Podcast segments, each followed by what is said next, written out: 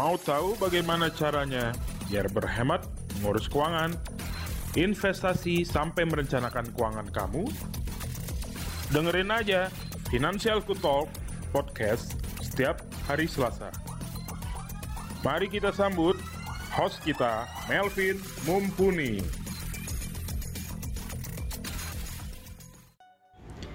Halo Sobat Finansialku, kembali lagi bersama saya Melvin Mumpuni, CFP, perencana keuangan dan juga founder dari Finansialku.com. Dan di episode kali ini kita akan bahas satu topik yang seru banget, yaitu pilih CFP atau CFA. Nah, di, di industri keuangan, terkenal nih banyak gelar bergengsi seperti CFP, Certified Financial Planner, atau CFA Chartered Financial Analyst.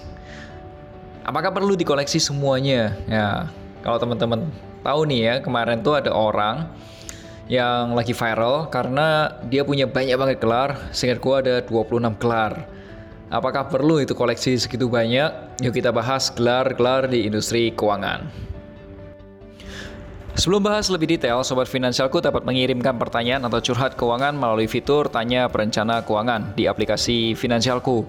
Tapi jangan lupa kasih hashtagnya, hashtag curhat keuangan. Dan kali ini kita akan bahas topik yang seperti ini.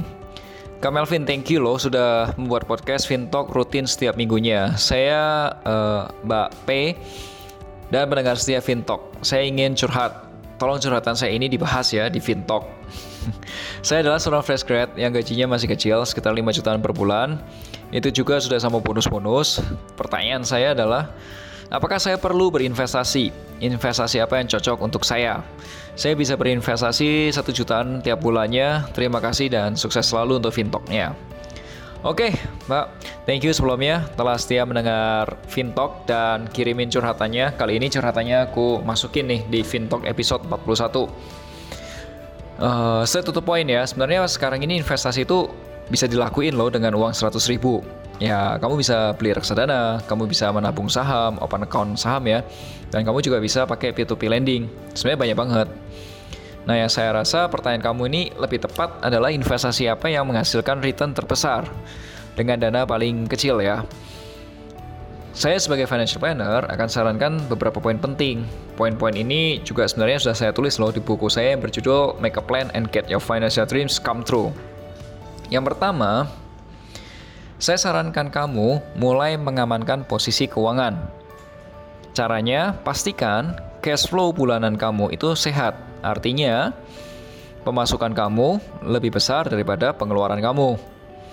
Atau bisa jadi pemasukan kamu sama dengan pengeluaran kamu. Tapi jangan lupa investasinya di depan ya. Saya rasa kamu sudah bisa kok ngatur cash flow karena di pertanyaan kamu kamu sudah tulis kamu bisa nabung rutin sebesar 1 juta rupiah per bulannya. That's good. Kedua, kamu harus punya dana darurat nih. Kalau hitungan saya kurang lebih 6 kali pengeluaran bulanan, anggap aja itu semuanya pengeluaran kamu, jadi 6 kali 4 ya. Ya sekitar 24 juta lah. Oke. Okay? Dan itu bisa dimasukkan ke rekening tabungan atau deposito atau emas logam mulia atau juga reksadana pasar uang. Untuk lebih detailnya, nanti saya akan jawab lebih detailnya di tiket aja ya. Oke. Jadi kamu baca ya tiketnya ya. Ketiga, sebisa mungkin hindari utang-utang konsumtif. Karena utang konsumtif ini bisa merusak cash flow kamu. Saya rasa kamu nggak punya utang konsumtif karena kamu bisa kok ini punya tabungan 1 juta per bulan, biasanya nggak punya utang konsumtif tuh. Tapi I will check it.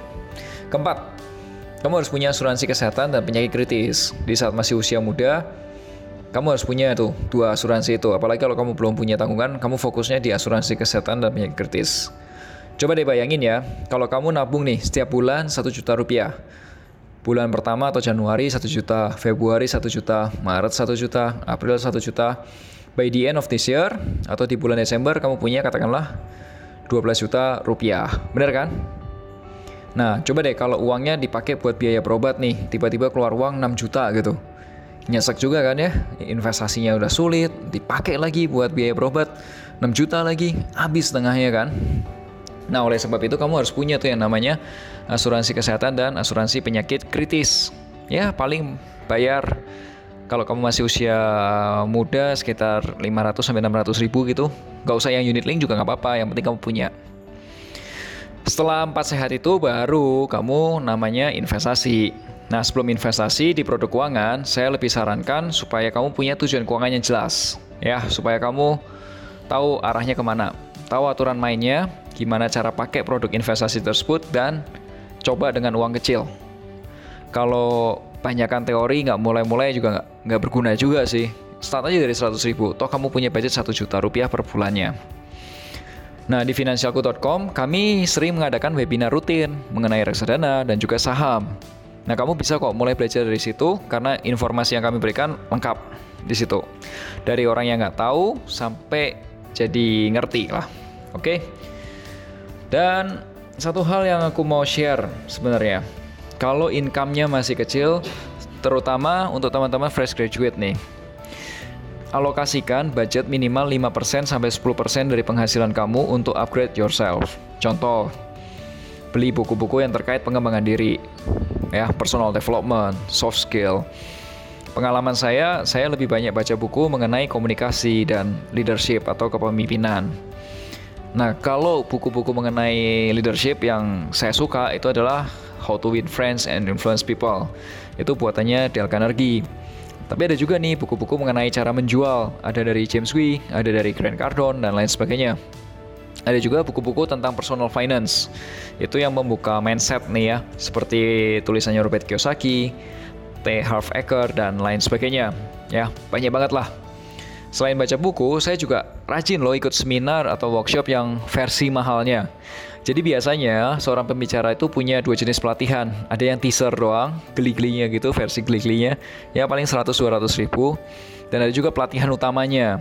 Nah, pelatihan utamanya itu pasti harganya jutaan rupiah. Ya rata-rata di atas 2 juta rupiah lah. Biasanya minimal 3 juta. Saya sendiri banyak ikut pelatihan mengenai kepemimpinan, komunikasi, dan keuangan. Investment juga.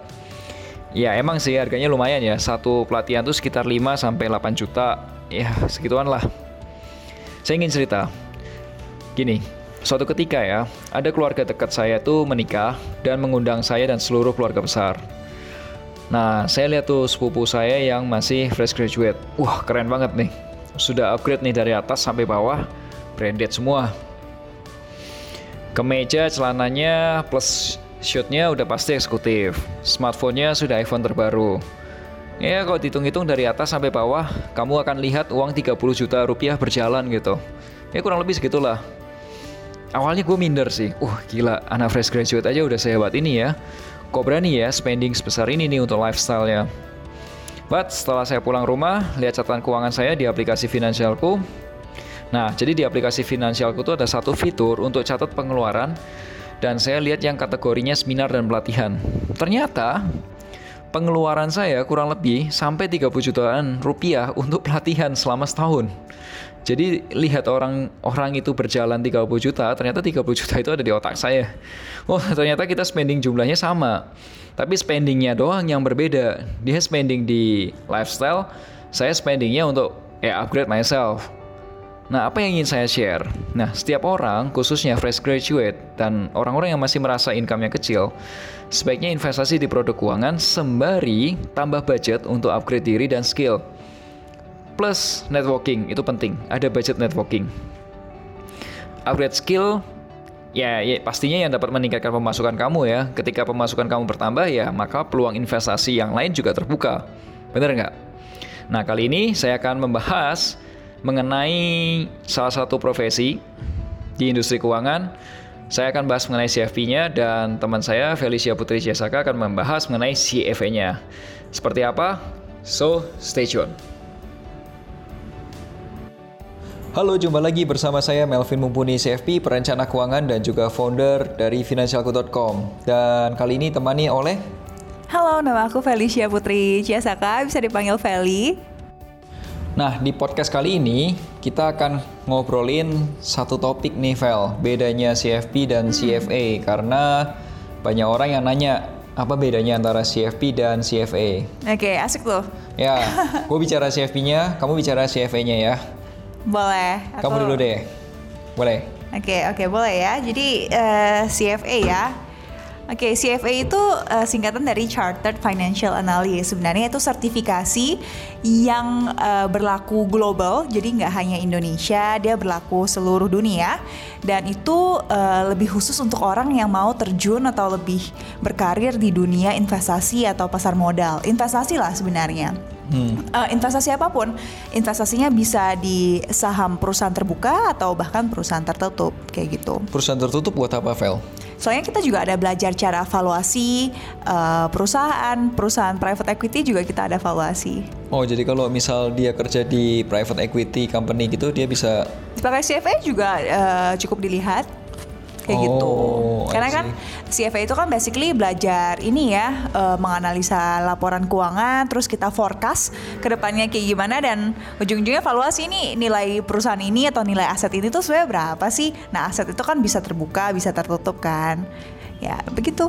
Oke, nah kalau CFP sendiri itu juga standar standarnya global.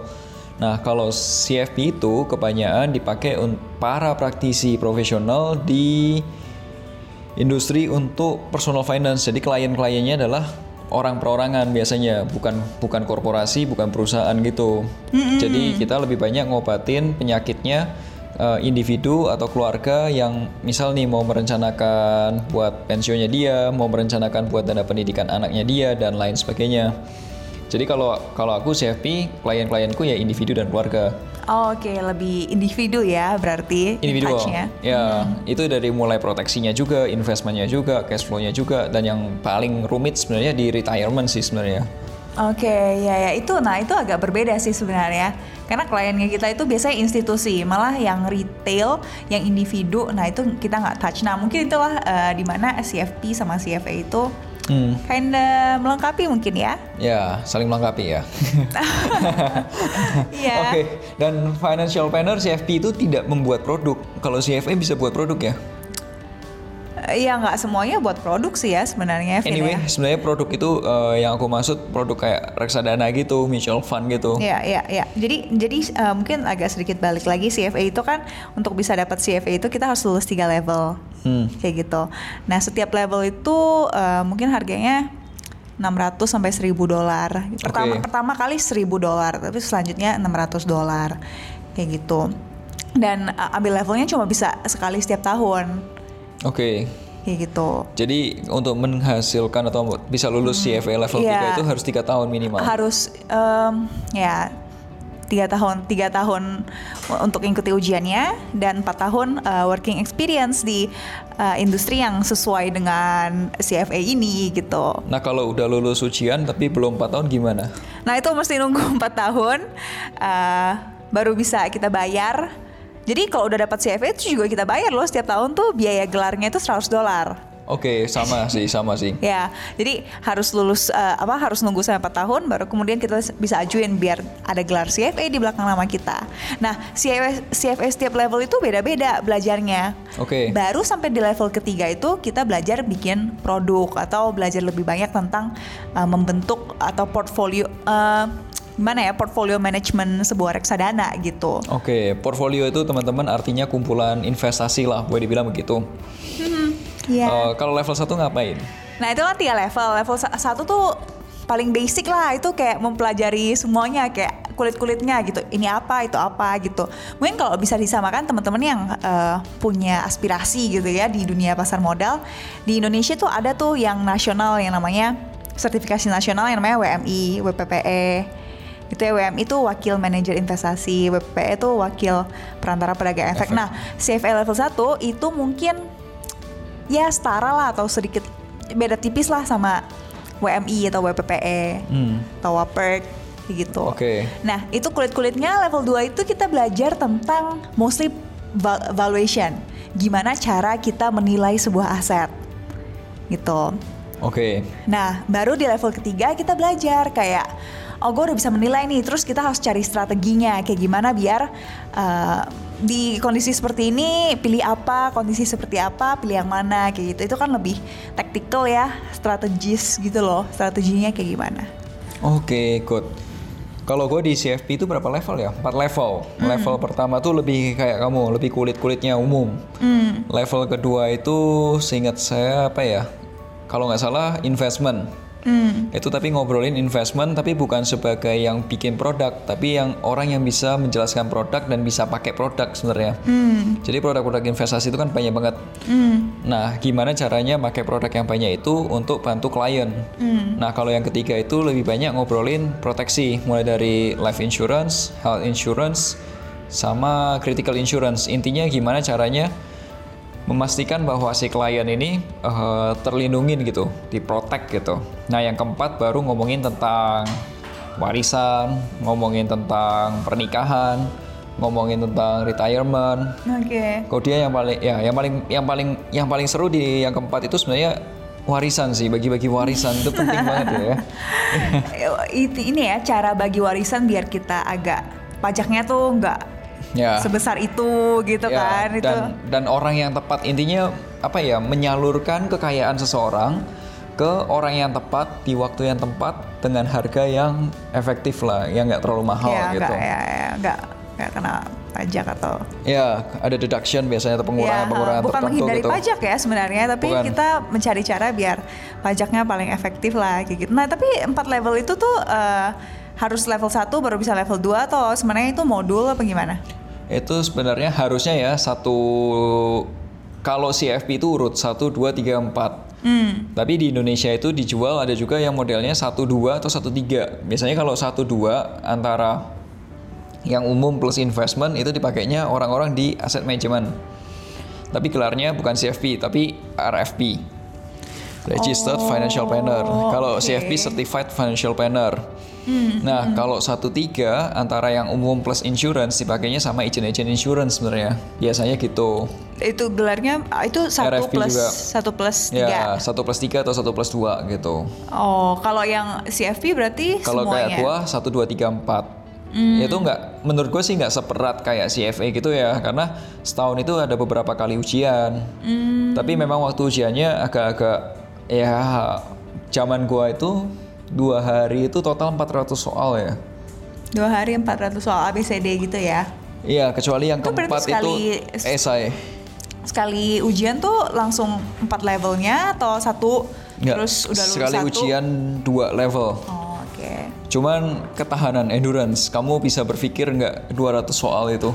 Hmm, Karena mostly banyak hitungan dan banyak logika dan banyak istilah keuangan Hmm, yang dipakai. Tapi ujiannya masih bahasa Indonesia.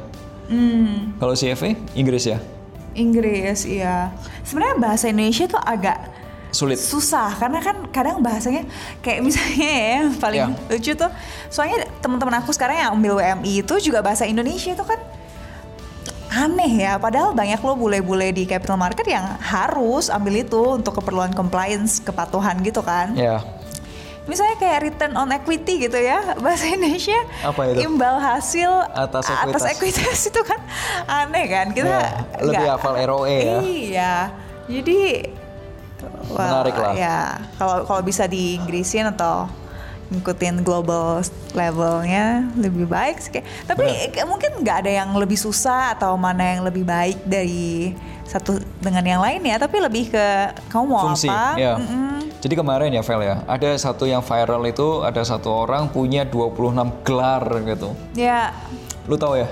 Nggak nggak tahu Oh ya, gua tahu sejak tahun 2000 berapa itu pelaksanaan berapa gitu, 26 gelar. oh dia viralnya udah lama Educate. Ya, aku taunya udah lama, tapi mungkin viralnya baru-baru ini. Education. Oh. Gelar educationnya banyak, sarjananya banyak banget, kalau ada gelarnya punya certified-nya banyak banget lah intinya. ya Nah, kalau menurut lo, mendingan punya CFP, CFP, CFA atau pilih salah satu atau gimana kalau menurut lo?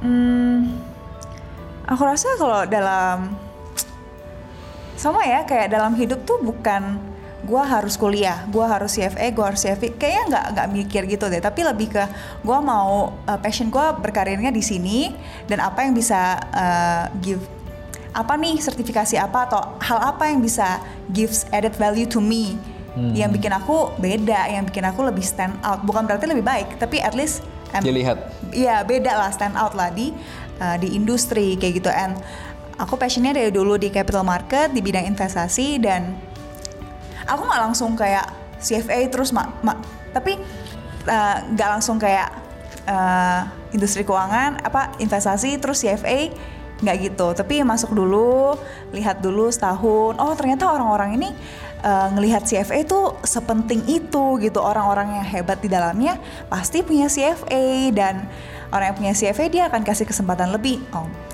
then that's when aku memutuskan oke okay, let's take it and let's finish it oke okay. gitu. kalau gue setuju sama lu sih itu bukan koleksi kelar sih sebenarnya iya, ya. Iya malah kayak, aduh, ini akademik freak banget ya. Dia mau jadi dosen apa praktisi atau ya. itu macam aku aku nggak suka sih orang yang punya gelar ya.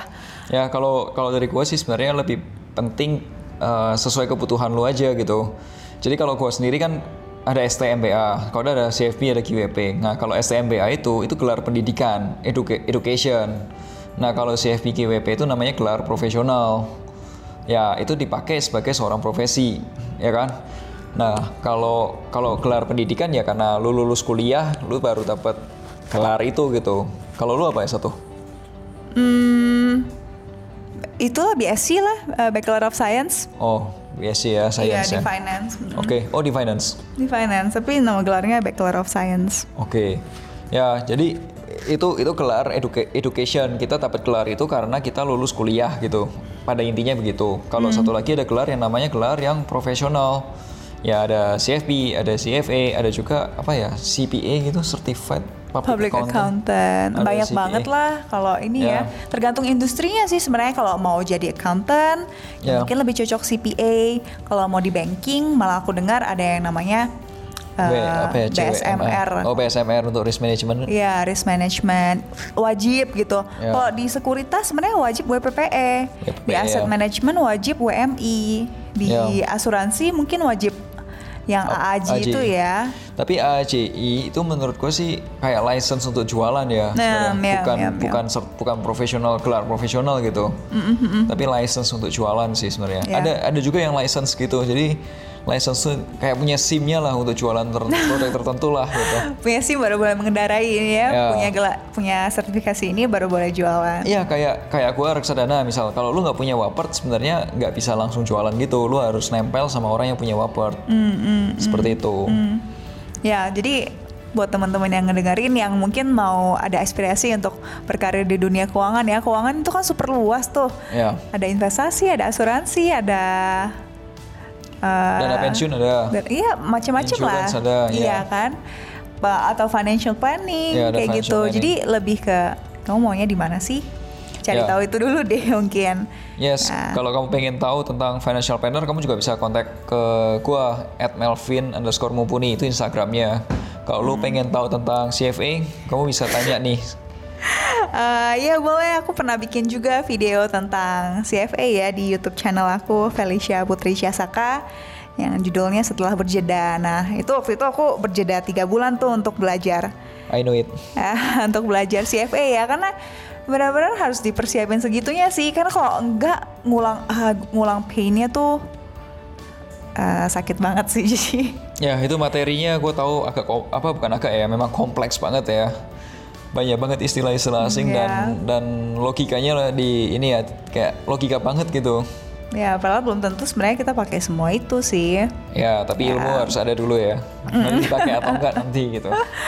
Iya, iya, iya, benar-benar. Oke, okay, so kalau misal sekarang nih ya, ada orang yang passionate nih uh, tentang keuangan, tapi dia nggak ngerti mau ambil CFP, mau ambil CFA, atau bahkan mereka sebenarnya nggak usah perlu itu juga, enaknya gimana kalau menurut lo? Tapi dia mau berkarir di dunia keuangan ya? Ya, dan dia belum tahu nih yang mana nih. Nggak tahu di mana. Ya. Hmm. Kalau lu dulu bisa kecemplung di sekuritas gimana?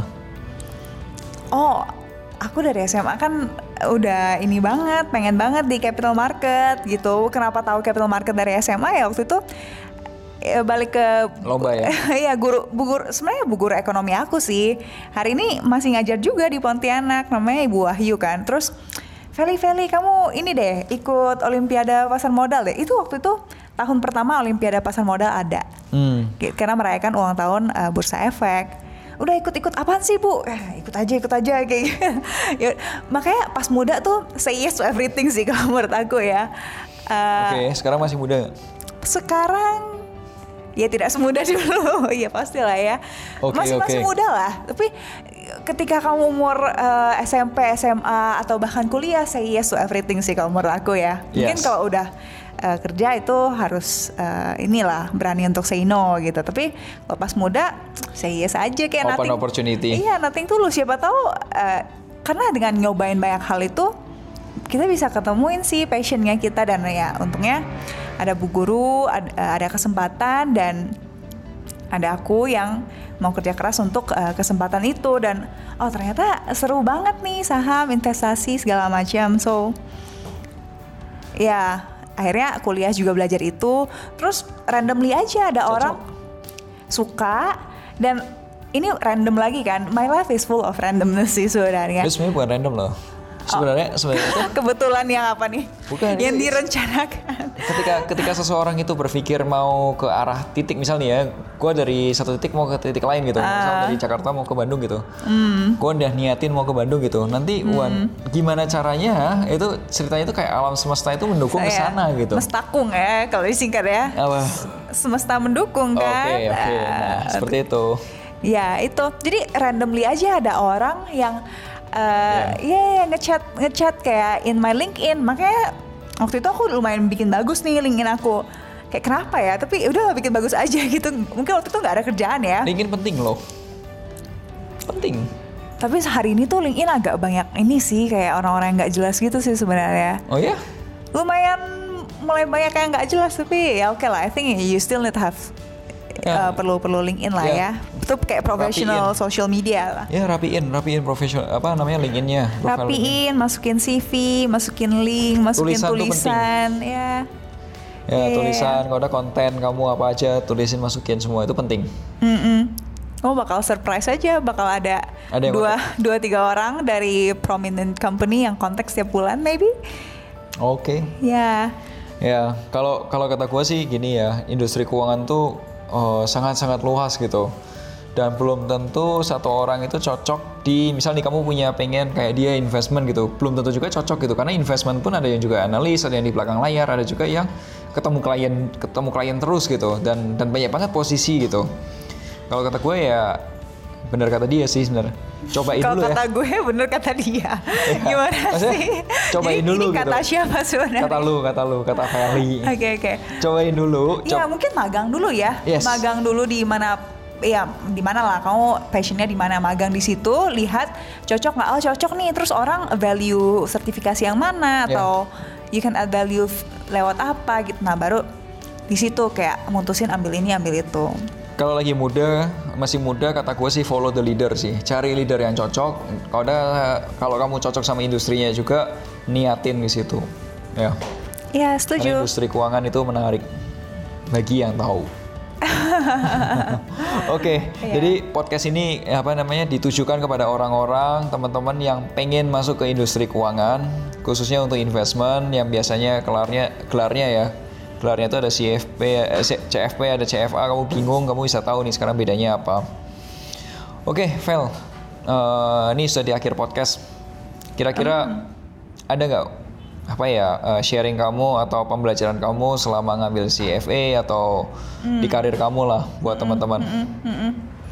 Em, eh ya mungkin kayaknya sama ya sama yang pernah aku share di Podcast sebelumnya? video video YouTube Oh, YouTube. video YouTube tentang CFA itu ini sekalian promote nggak apa-apa lah ya Silakan, silakan. Oke, eh, iya jadi ketika kamu udah masuk nih, udah magang di mana, terus udah memutusin, oke kayaknya aku ambil CFA atau oke aku ambil CFP, oke aku ambil sertifikasi apa pun lah itu.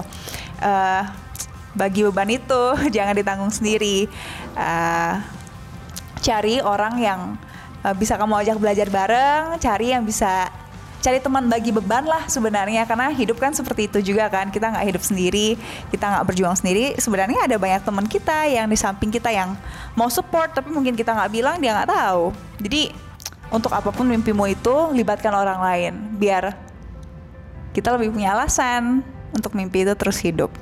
Mungkin itu sih ca- cari teman Oke. Cari teman, bagi mimpi, bagi beban. Oke, so aku tahu kenapa kenapa kamu bilang bagi beban ya. Ternyata gitu value-nya.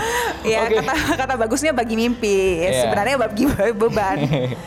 Oke, so teman-teman, semoga podcast kali ini dapat bermanfaat buat kamu.